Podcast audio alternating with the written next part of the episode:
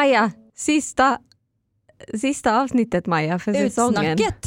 Det gick fort som attan, det bara blåste förbi. Och det är här vi ska wrappa upp, eh, försöka binda ihop vad ska man säga, röda trådar och lila trådar och allt möjligt som har varit.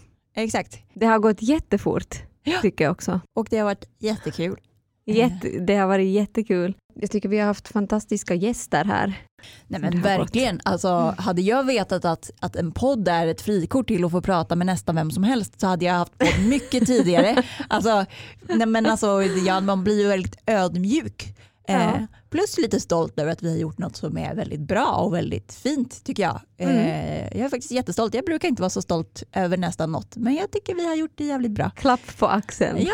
Och vi tänkte väl eh, snacka lite om, om det, liksom, vad vi har tagit med oss. Det är ju jättesvårt för man har tagit med sig massor och så här svårt tyckte jag att sätta fingret på. För att det har varit liksom en helhet. Ja nej, men verkligen, nej, men att varje person har ju gjort sitt intryck liksom, som person som också är en typ av inspiration. Att träffa en annan kreatör är ju härligt bara i sig. Men sen tycker jag också att folk har- ändå gett så ganska specifika råd som man har kunnat eh, ja, men tänka kring och så här, ah, fan ja, det är smart, det där, ska jag typ tänka på. Eller så. så vi får väl se, vi har valt några favoriter var i alla fall. Mm. Säsongens favoriter. Och med det sagt så har alla varit favoriter. Exakt. Men, Alla men då är hade lika vi, mycket värda. Ja, då hade vi suttit här i fem timmar.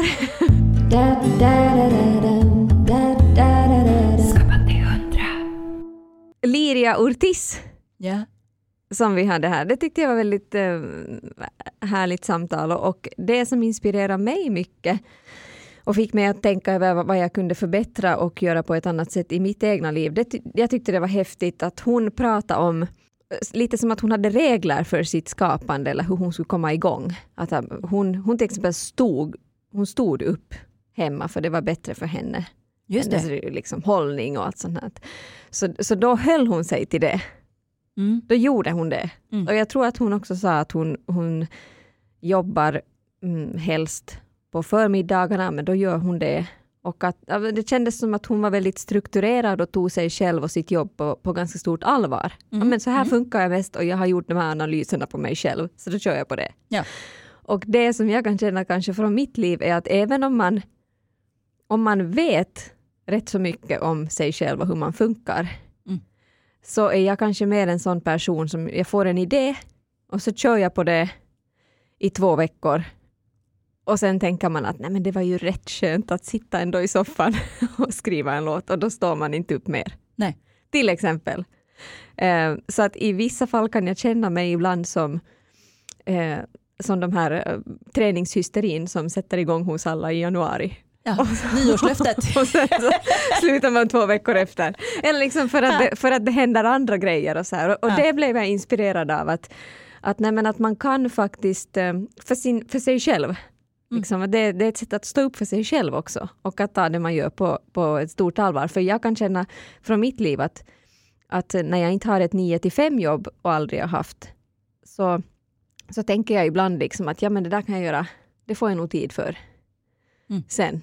Det Mm. kanske lät flummigt men, Nej, men nej, det men tänker jag absolut, att jag jag, fattar- jag, jag fattar vad tog till mig strukturen Ja. där. Du blev inte lite inspirerad av hennes eh, balklänning där? Ja. också?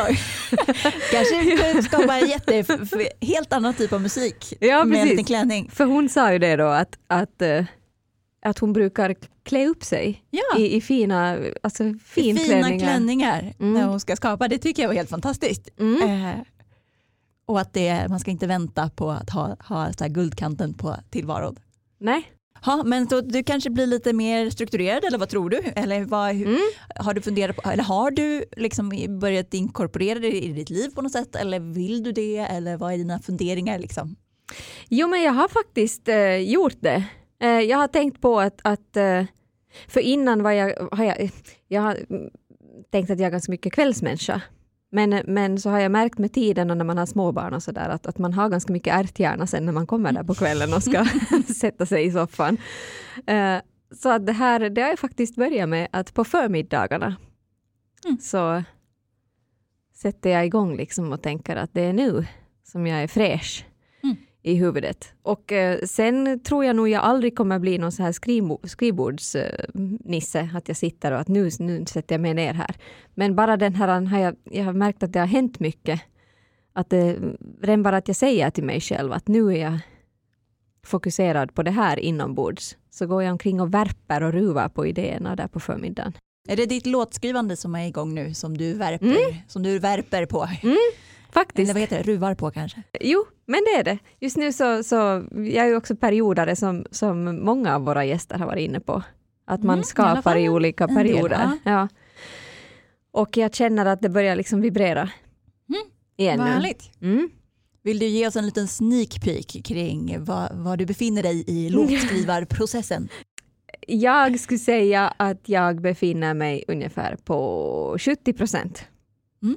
just nu i skapandet. Och det är eh, dels för att jag känner att jag har börjat komma in i den här perioden när jag skapar och skriver ny musik. Um, och det känns väldigt inspirerande. Och jag har mm, senast här för någon eh, kväll sen så åkte jag ut till Roland Junell som, nu, som producerar min nästa skiva. Eh, det är väldigt kul att få göra det. Men jag skulle säga att den här 30 procenten som då gör att jag inte på 100, den, det drar ner liksom lite för att dels har jag blivit så peppad för att det verkar som att det blir en spelsommar. Mm. Men sen så, så kom det också, eh, det var en visfestival som, som tyvärr inte kan genomföra Just det, av ekonomiska festival. skäl? Typ. Nej, utan på grund av corona. Ja. Att de mm. helt enkelt inte vågar i år. Och eh, då man, har man en säkrad plats att det blir nästa år istället. Mm. Men det på något sätt så, så tog det ner lite på att man tänker nej, blir det en likadan sommar mm. nu igen som förra? Eh, så att man hoppas ju verkligen alltså nu, men det är ju det, det är mycket det som gör att jag inspireras, har jag tänkt på. Giggen. Giggen. Mm. Det är liksom det glöden, det är drivkraften, det är liksom inspirationen och grunden till allt mitt skapande typ. Skapa till hundra. Skapa till hundra. Så 70 ligger ja. jag på. Ja. Du då? Ja, nej, men jag kanske ligger på sådär eh, 60 eller sådär. Så lite kanske lägre än vad jag legat på eh, innan. Jag tänker att jag har en eh, en väldigt stabil så här, känsla i kroppen och har haft länge. Jag tänker att hela så här, pandemin har gjort jävligt gott för mig. Du har eh, skaffat hund. Ja precis, det är kanske inte så Bara kreativt. Det? det är mer så här lust, härligt allmänt i livet. Eh, men i och för sig enligt våra gäster så blir man ju kreativ också av att leva livet. Mm. Även med en hund kanske. Men ja, det har jag nog inte tagit med i min kreativa analys. Det är snarare som att man har blivit störd för att man måste gå upp och kissa hela nätterna med den där lilla valpen. Liksom. Så, sen är man inte så superkreativ. Men nu, nu sover hon hela nätterna. Så att, eh, ja. Ja, nej men sådär, pandemin har gjort mig eh, liksom gott i att jag har ja, men både fått tid att vila faktiskt. Mm. Eh, för innan pandemin så var jag nog väldigt utarbetad när jag tittar i backspegeln. Så det var liksom jävligt välkommet. Även om det var ovälkommet när det kom så gjorde det jäkligt gott att få så här, faktiskt Och jobba tvångs... hemifrån. Och... Ja men så här, mm. tvångsvila. Vi blev ju så permitterade på mitt tidigare jobb. Eh, och sen sa jag upp mig och då blev det liksom ännu mer att eh, det var, blev inte heltidsjobb direkt direkt som det alltid är det gör ju en kreativ. Alltså det gör ju att man får så här lust och, och också möjlighet att det blir liksom en, en vid canvas liksom som mm. går att fylla igen med något. När inte, hela, rasa. Ja, men när inte hela livet är fullbokat och att ens energi är slut varje vecka. Liksom. Och en sak som föddes ur det var ju faktiskt det här projektet som, jag, som för mig har varit väldigt kreativt och eh, viktigt att få, mm. få skapa och liksom det har varit väldigt roligt och, och viktigt att få göra det med dig. Eh, det är en sak som har så blivit viktigare och viktigare för mig rent kreativt att jag har gjort så himla mycket så här eh, självprojekt. Alltså jag är så duktig på att driva projekt själv mm. och har liksom inga problem med det och har gjort det hela livet men jag har liksom mer och mer landat i att nej men det är mycket mer meningsfullt att, att göra kreativa saker med andra för att det både att man kan liksom, som växeldra och ha olika egenskaper och, och, bidrag liksom in i projektet men att det liksom ger helt nya dimensioner liksom till, mm. Och vi Eh. har egentligen ju bara innan skrivit, vi, vi har skrivit en låt ihop ju. Men vi har aldrig gjort något så här på riktigt liksom, projekt Nej, vi har inte gjort något sånt här stort projekt. Absolut inte. Nej, men så det har varit superhärligt. Eh, och så här, ja, men få lära känna dig på nya sätt också, fast vi har Mm. känt varandra så länge. Eh, det, det är också en spännande liksom, resa eh, Ja. som man får göra i kreativa projekt. Och det är som att man går in lite i ändå professionell mode. Ju. Mm, ja, nej, men visst. Mm. Ja. Eh, ja, men och sen så, så, att, eh, så att jag har nog generellt känt mig väldigt kreativ under våren men just nu så eh, känner jag att jag är lite mer så här som att jag har sprungit jävligt långt på skogsorientering och varit så här nu jävlar ska jag vinna. Liksom, och sen bara tittar man upp och bara fan är jag någonstans? Eh, för, för mig blev det liksom det en sån tvär eh, st- stopp faktiskt med eh, när vi nu har beslutat att vi inte ska fortsätta så som Mm. vi har gjort med podden. Så då blir det ju liksom då kan man inte bara jobba på och fortsätta skapa utan att veta vad man ska. Eh, så det blir ju liksom en liten kanske dipp i kreativiteten även om lusten finns där. Liksom att skapa vidare och hitta andra vägar. Precis. Jag håller med det där för att lusten, lusten finns ju verkligen där. Vi söker väl egentligen en till poddpartner typ och programledare. I och med att jag kommer att kläcka ur mig en bebis bland annat och förhoppningsvis ehm, få spela mer i höst. Du kommer kläcka Så- ur en bebis och lite låtar. Och lite låtar och förhoppningsvis spelningar vad det verkar. Ja. Så behöver vi lite extra muskler här i podden. Så om du tycker att det här hade varit det absolut roligaste du kan tänka dig att få prata med inspirerande gäster, Maja och mig eh, mellan varven, så håll inte tillbaka dina rader utan skriv i så fall eh, till oss Mm. på skapa till 100, 100 med 100 at gmail.com. Så vi söker dig som vill prata i studion och programledare tillsammans med mig och rodda lite med bokningar, bokna in gäster, eh, rodda lite med sponsorer, eh, men vara med och driva projektet helt enkelt till nya höjder. Yes! Bra sagt Maja!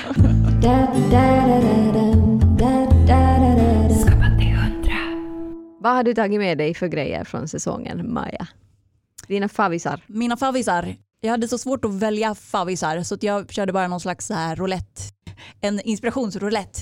Men en sak som jag tog med mig från Andreas Rodenkirchens avsnitt var att ställa frågor istället för att ha alla svar.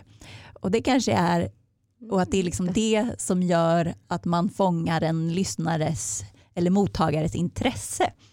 Eh, och det var verkligen sådär, just för att jag jobbar med kommunikation och just att jag kommer kanske inte från, från jag skriver inte romaner liksom, utan jag har jobbat på kommunikationsavdelningen och med reklam och liksom mer sån här funktionell kommunikation. Och då är, är det ofta att man har i uppdrag att så här, informera om det här, få folk att veta om det här. Och då fastnar man så lätt i att här är facit och då blir det kanske lite ointressant. Så det tog jag verkligen med mig. Vi har ju aldrig lyssnat så mycket heller som i det avsnittet. Precis, det var avsnittet när vi körde hela manus i pappersstrimlaren och bara tog anteckningar. och kanske lite kompis till den också att han sa att all kommunikation har en mottagare. Det tyckte jag också var, la jag i min, eh, min kommunikationsverktygslåda på något sätt. Att man kan inte kommunicera bara rakt ut i luften oavsett vad du har för om du ska skriva en låt eller om du ska skriva en text. Eller, liksom vem, Eller köra en monolog som skådis. Ja, nej, men exakt. Att du måste, vem pratar du till? Pratar du till Gud eller pratar du till eh, medborgaren? Eller pratar Men du har till... du ändrat det i ditt jobb?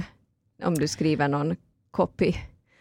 Text ja, men jag faktiskt, ja, men ibland är det inte sådär att varje gång jag skriver en bokstav så tänker jag på det här. Mm. Eh, nej men absolut, jag tycker att jag har typ, eh, reflekterat över det lite då och då. Eh, i, I det vardagliga, i, ja, men när man skriver ett Instagram-inlägg, nej, men vad som helst. Att, vem skriver jag till nu och Mm, levererar precis. jag alla svar eller öppnar jag upp för eh, en dialog eller för andra frågor eller för liksom, Mm. mm, så det tyckte jag var väldigt eh, givande faktiskt. Mm, det är väl lätt att man tänker att man, att man skriver till Insta till Instagram om man gör ett inlägg. Men att man verkligen visualiserar då Menar du som att det är en mottagare? Ja, nej, precis. Mm. eller nu tänkte jag Mm. mer på det här med att ställa frågor och inte ha alla svar. Mm. Att, att ehm, inte informera. Nej. Här kommer dagens upplysning. Varsågod.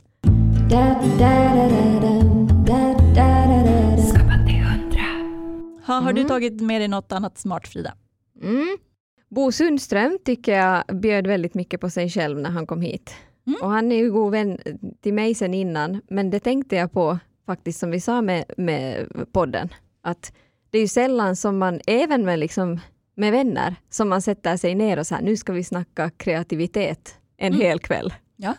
Alltså det blir ju att Borde man, man kanske göra Ja men det oftare? borde man. Men så att det kändes som att, att eh, jag också så lärde känna honom på ett nytt sätt och fick veta om grejer Mm. här. Mm. Och det som jag tyckte att han, eh, han, sa bland annat något att man, att man inte ska ta allting eh, eller att man inte ska ta sitt skapande på allt för stort allvar. Så Mm. herregud, det är en låt liksom. Get over it. Mm. Och gör en ny. Och det, det tänkte jag på att jag var nog faktiskt mer hård mot mig själv och, och tyckte att, att karriären och låtar och sånt var mer livsviktigt förr när man var yngre. Naus var ju lite inne på det här också. Mm, just det. Att, att man kanske har blivit lite mer chill med en del grejer nu. Det är klart att det är superviktigt, men jorden kommer liksom inte att gå under Mm. eh, om man råkar ha ett mollackord istället för ett durackord som man tänkte sig från början. Mm. Ganska många har sagt sådär att man, att man inte ska vara för hård mot, Mot sig, sig själv. själv. Ja. Ja, och nej, kanske att inte ta allt på så stort allvar, för att Mm. gör man det så då, då låter man liksom inre kritikern ta över för mycket. Nej, men och framför allt att det är liksom kopplat till det att, det, att man och framför allt kanske blir okreativ Mm. av att när det blir då olust, alltså om man blir för hård mot sig själv så blir man också lite sådär strypt kanske i sin egen kreativitet. Jag tycker också Mm. att det har återkommit att kreativitet hänger ihop med lust liksom, och att det är det som gör Thomas Lindahl hade väl också grubbleriförbud eller någonting? Ja, grubbelförbud, ja, Ja. det är ju fantastiskt. Ja, sen, jag vet inte, har du tänkt på en grej att, att eh, det är väldigt många av gästerna tycker jag som har sagt att eh, eller, eller som det har känts som att de inte blickar så mycket tillbaka. Mm. Ja men Det är verkligen, liksom, det har eh, jag f- verkligen tänkt på. Ja. Typ eh, Bo som satt här och bara, nej men jag är ju ingen musiker liksom och jag tänker inte på, alltså Ja, Det har väl Eh. typ alla sagt, alltså nästan. Jag, jag, är ingen författare jätte- alls men jag har skrivit 28 böcker och man bara, nej. Eh, Ja men det är, ju Ja. ingen, det är ju ingen som har liksom så här, det här har jag gjort och det här är jag så stolt över, utan det känns som att en, en röd linje kanske är att alla har liksom sett framåt hela tiden. Mm. Det tror jag kan vara ett framgångsrecept.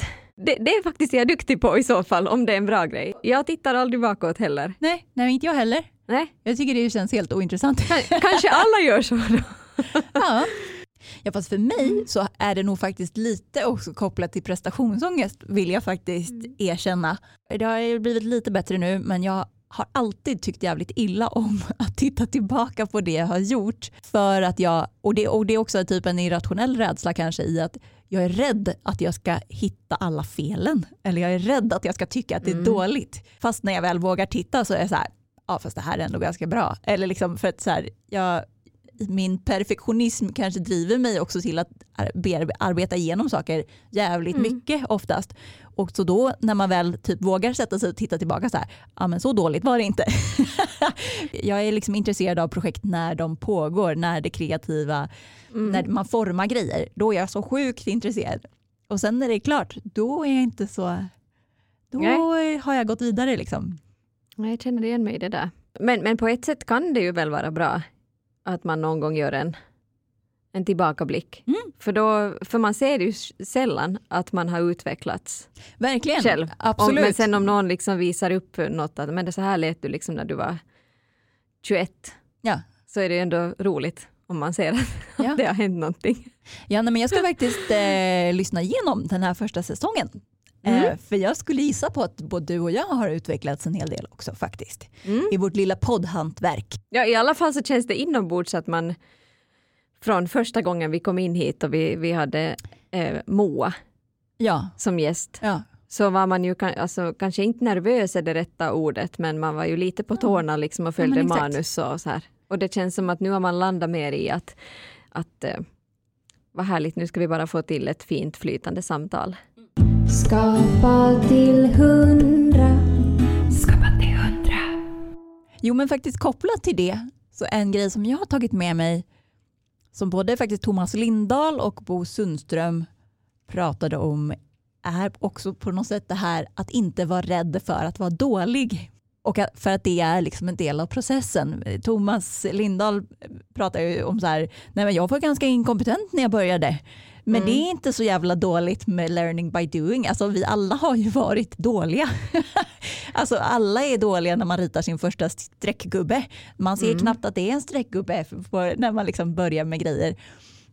Och att på något sätt vara så förlåtande i den eh, i den vetskapen. Det var Bo Sundström sa ju så här, man gör skit.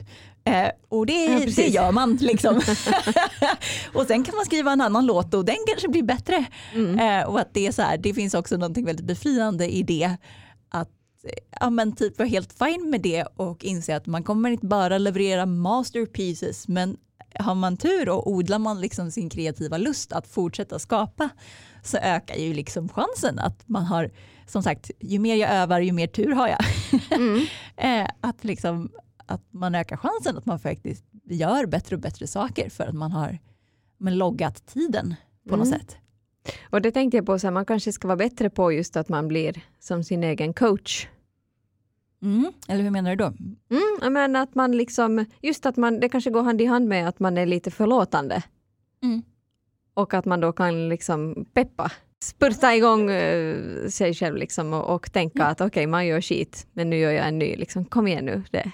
Ja, nej, men exakt. Ja, men vad fan. Det är ju, på mitt jobb höll jag på att säga, men eh, i mm. arbetslivet så heter det självledarskap som alla mm. behöver ha nu i liksom valfrihetens tidevarv. Att mm. du, dels att du ska jobba hemma, du ska jobba själv, du är liksom fler och fler driver eget, du ska skapa din egen värld på något sätt. Att du måste ju vara din egen chef, alltså din egen inre chef på något sätt. Att mm. sådär, vad vill jag odla för tankar i mig själv? Vill jag sitta här och säga till mig själv att jag är dålig hela tiden? Nej, Nej. det känns inte så himla Man kommer givande. inte så långt då. Nej.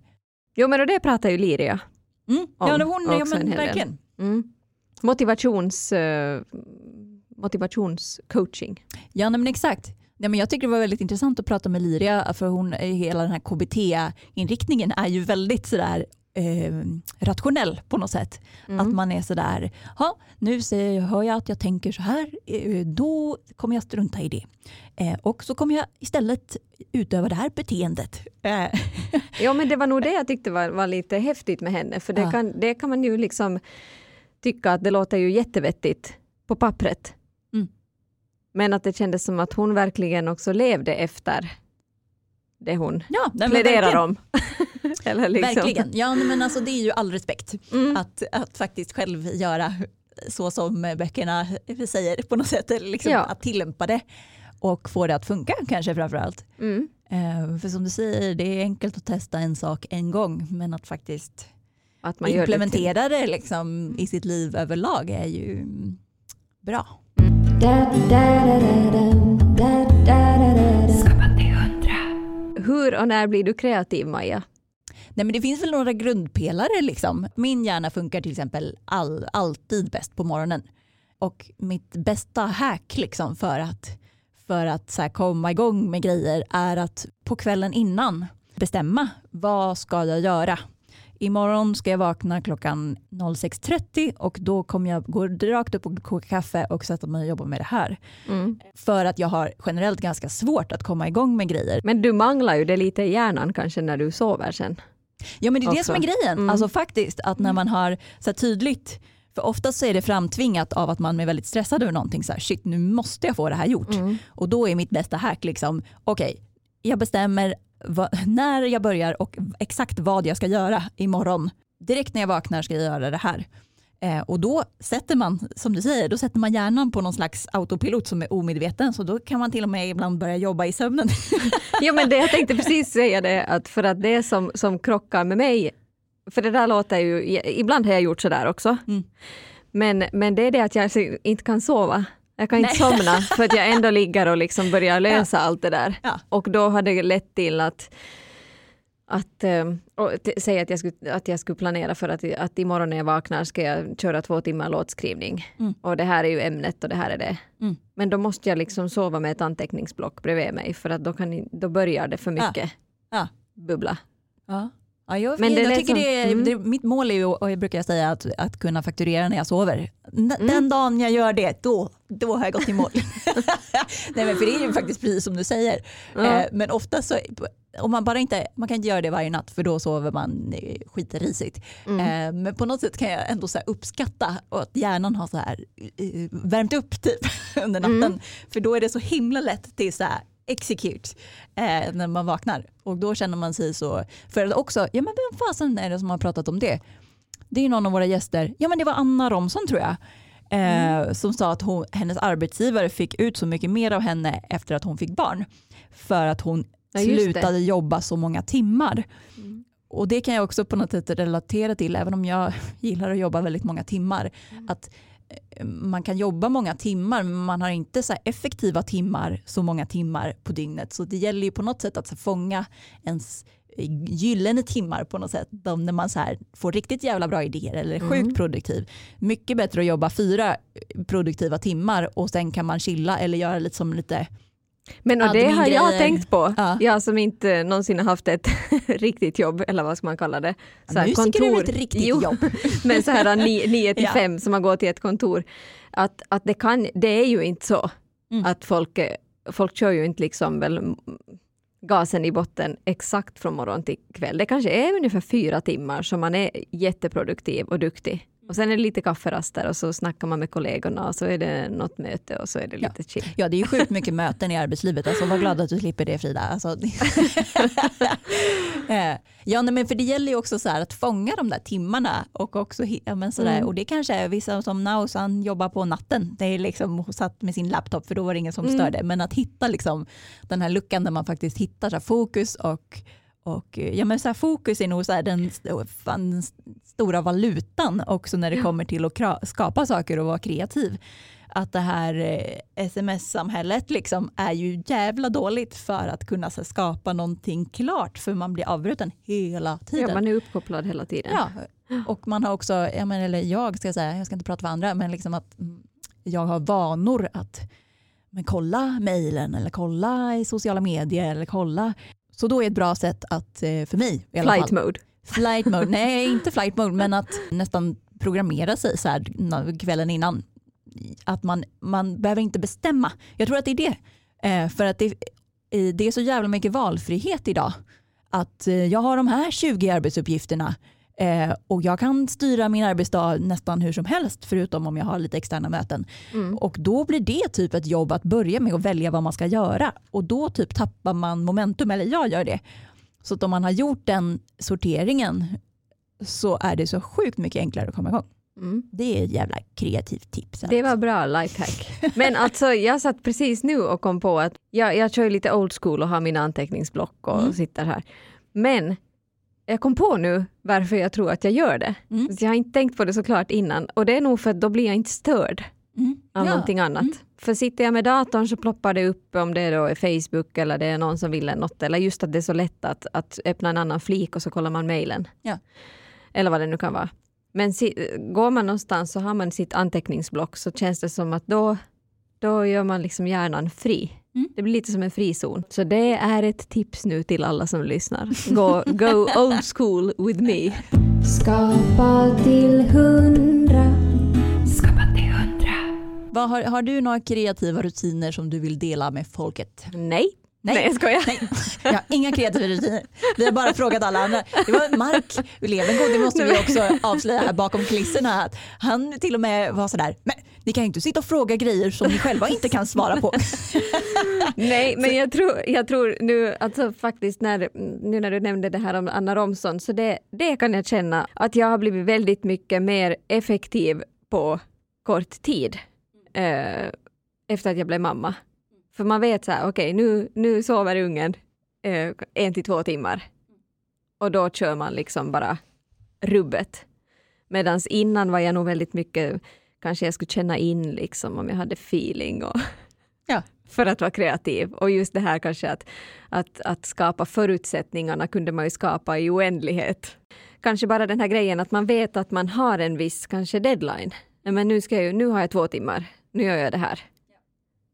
Och det, det är kanske nyckeln för mig att vara kreativ. Och att gå liksom hemifrån mm. och, göra, och göra det. Just det. Mm. Att ha ditt arbetsrum, även om mm. det inte är en arbetsplats, att det är en ja, någon exakt. annanstans. Liksom. Men om man ska tänka så här då, att, för nu har vi pratat om att vad, vad som ger, vad säsongen har gett oss. Om man ska för, våga analysera vad, vad, vi hoppas på att den har gett de som har lyssnat, kan man, Jaha, så tänker jag att, att jag hoppas, jag tänker så här att om det är någon som lyssnar på första eller andra avsnittet så här och, och har velat följa podden vidare, mm. så då är det väl, får man väl hoppas på att att de har tänkt att de får ut någonting av det vi har snackat och, kanske, och att, det, att det har satt igång um, förhoppningsvis någon tankeprocess i att man kanske själv då analyserar men hur, hur, fungerar, hur fungerar jag bäst? Ah, det där var ju en, kanske ett bra tips. Ja, men vi har ju fått en hel del feedback under säsongen som faktiskt har, när folk har skrivit det, att de verkligen uppskattar det och att de tycker att det är väldigt inspirerande. Som blir, blir oerhört tacksam för. Och jag tror faktiskt det var min pappa som sa att han tyckte att det var så intressant just att olika, alltså även om han är arkitekt så, och vi har inte haft med någon arkitekt eh, under den här säsongen. Nej. Men han har ändå tyckt att all, alltså, Anna Romson eh, berättade han att han hade lyssnat på två gånger för han tyckte det var så intressant. Ja. Eh, och det tänker jag ändå är ett bra betyg att, att det finns något så universellt med eh, skapande och kreativitet. Precis. Att det gör att det blir relaterbart fast kanske personen har ett helt annat hantverk liksom, än vad man själv har. Ja. Men hade mm. du inget fler kreativt tips?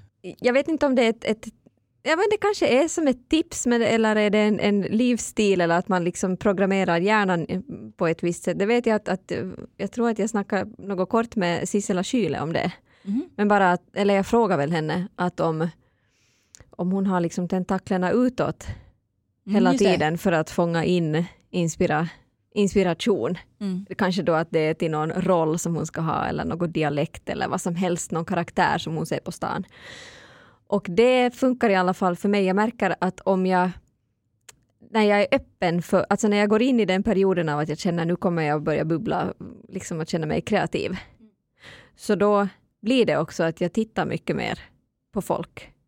Så jag tänker att det kanske det är ett, ett, tips i så fall. Om man, vill, om man vill börja skapa så tror jag överhuvudtaget att om man öppnar upp och tittar med vad, vad det än är man ska skapa. Mm. Så att om man går liksom på stan sluten till sin telefon och, och liksom smsar hela tiden så går man miste om grejer som faktiskt kan liksom inspirera en. Om man så drömmer om att vara arkitekt så kanske man vill titta på hur de har gjort något jäkla fönster där uppe. Liksom. Eller så ja. ser man smsen som låtskrivarmaterial. Ja, i och för sig. Nu snackar vi. Ja, men både och. Ja. Nej, men det är bra. Mm. Att, att men en påslagenhet, ja, jag gillar det exakt. ordet. Liksom.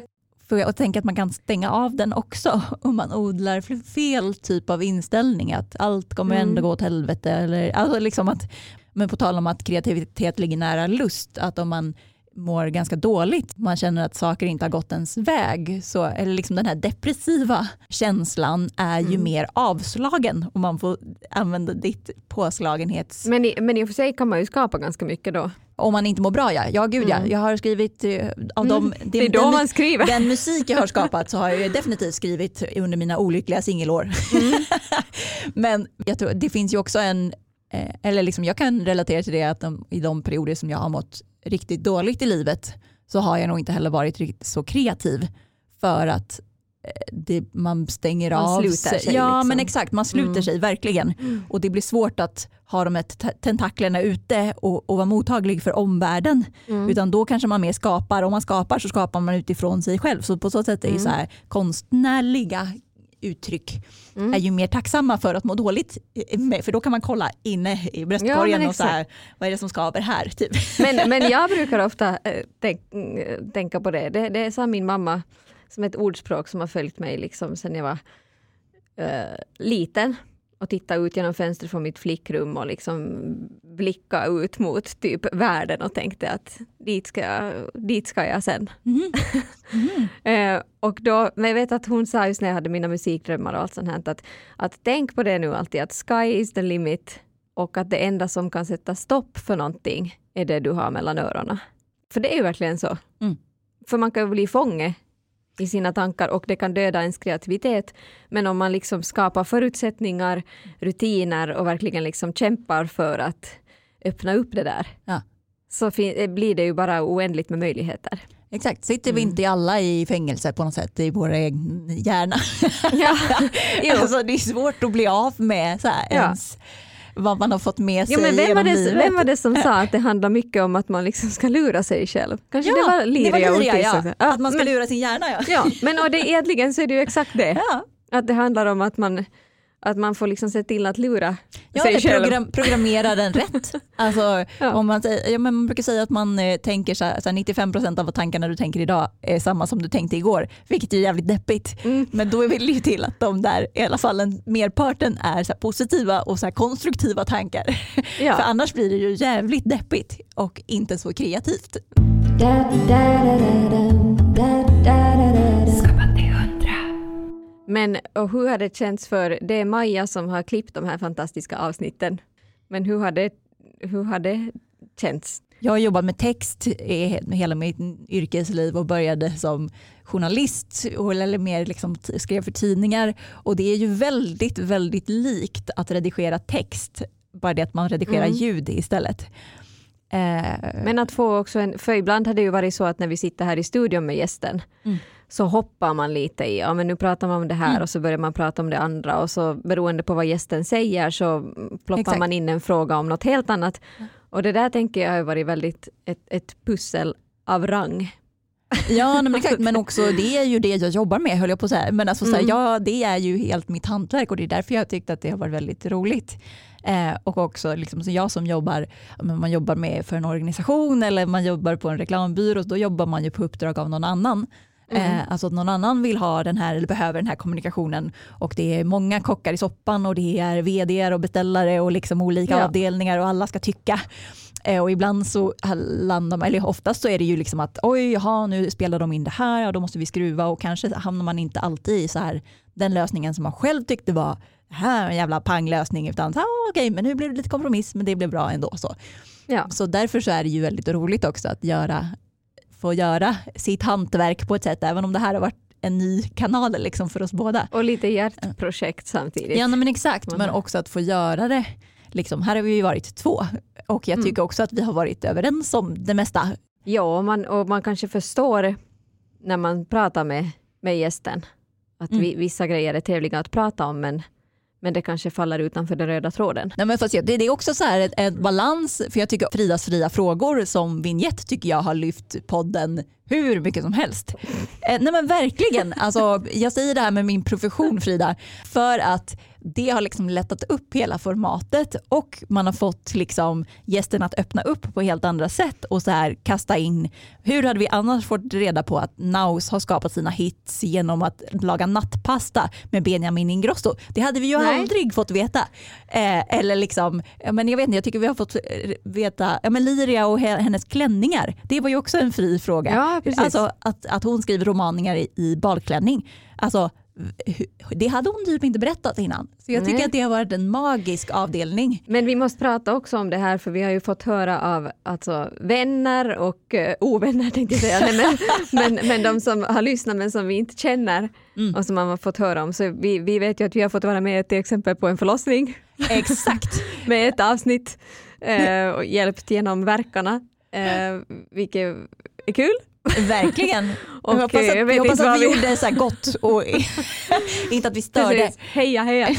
ja men precis, jag fick också veta att en vän till mig, eh, Emmy, när hon lyssnade på vår podd så kände hon som att hon kom ut i, det vanliga, i den vanliga världen som inte är det här isolerade coronabubblan där man inte får träffa någon utan ja. att det kändes som att hon var tillbaka på stan och träffade kompisarna. Det tycker jag också var ett fint, ett ja, fint betyg, fint. Liksom, att vi har skapat bra vibes. Mm. Det har varit trevligt att få hänga i folks öron en liten stund. Så tack, tusen tack till alla ni som har följt oss under säsongen. Och Om du vill vara med och driva Skapa till 100 så don't be a stranger. tack, supertack till alla som har lyssnat på den här första säsongen. Yes, Tack Maja. tack Frida. Puss och kram. Nu tänkte säga se upp i backen. Se upp. Det kan man inte. Jo. Se upp i backen, ta hand om er. Skapa till hundra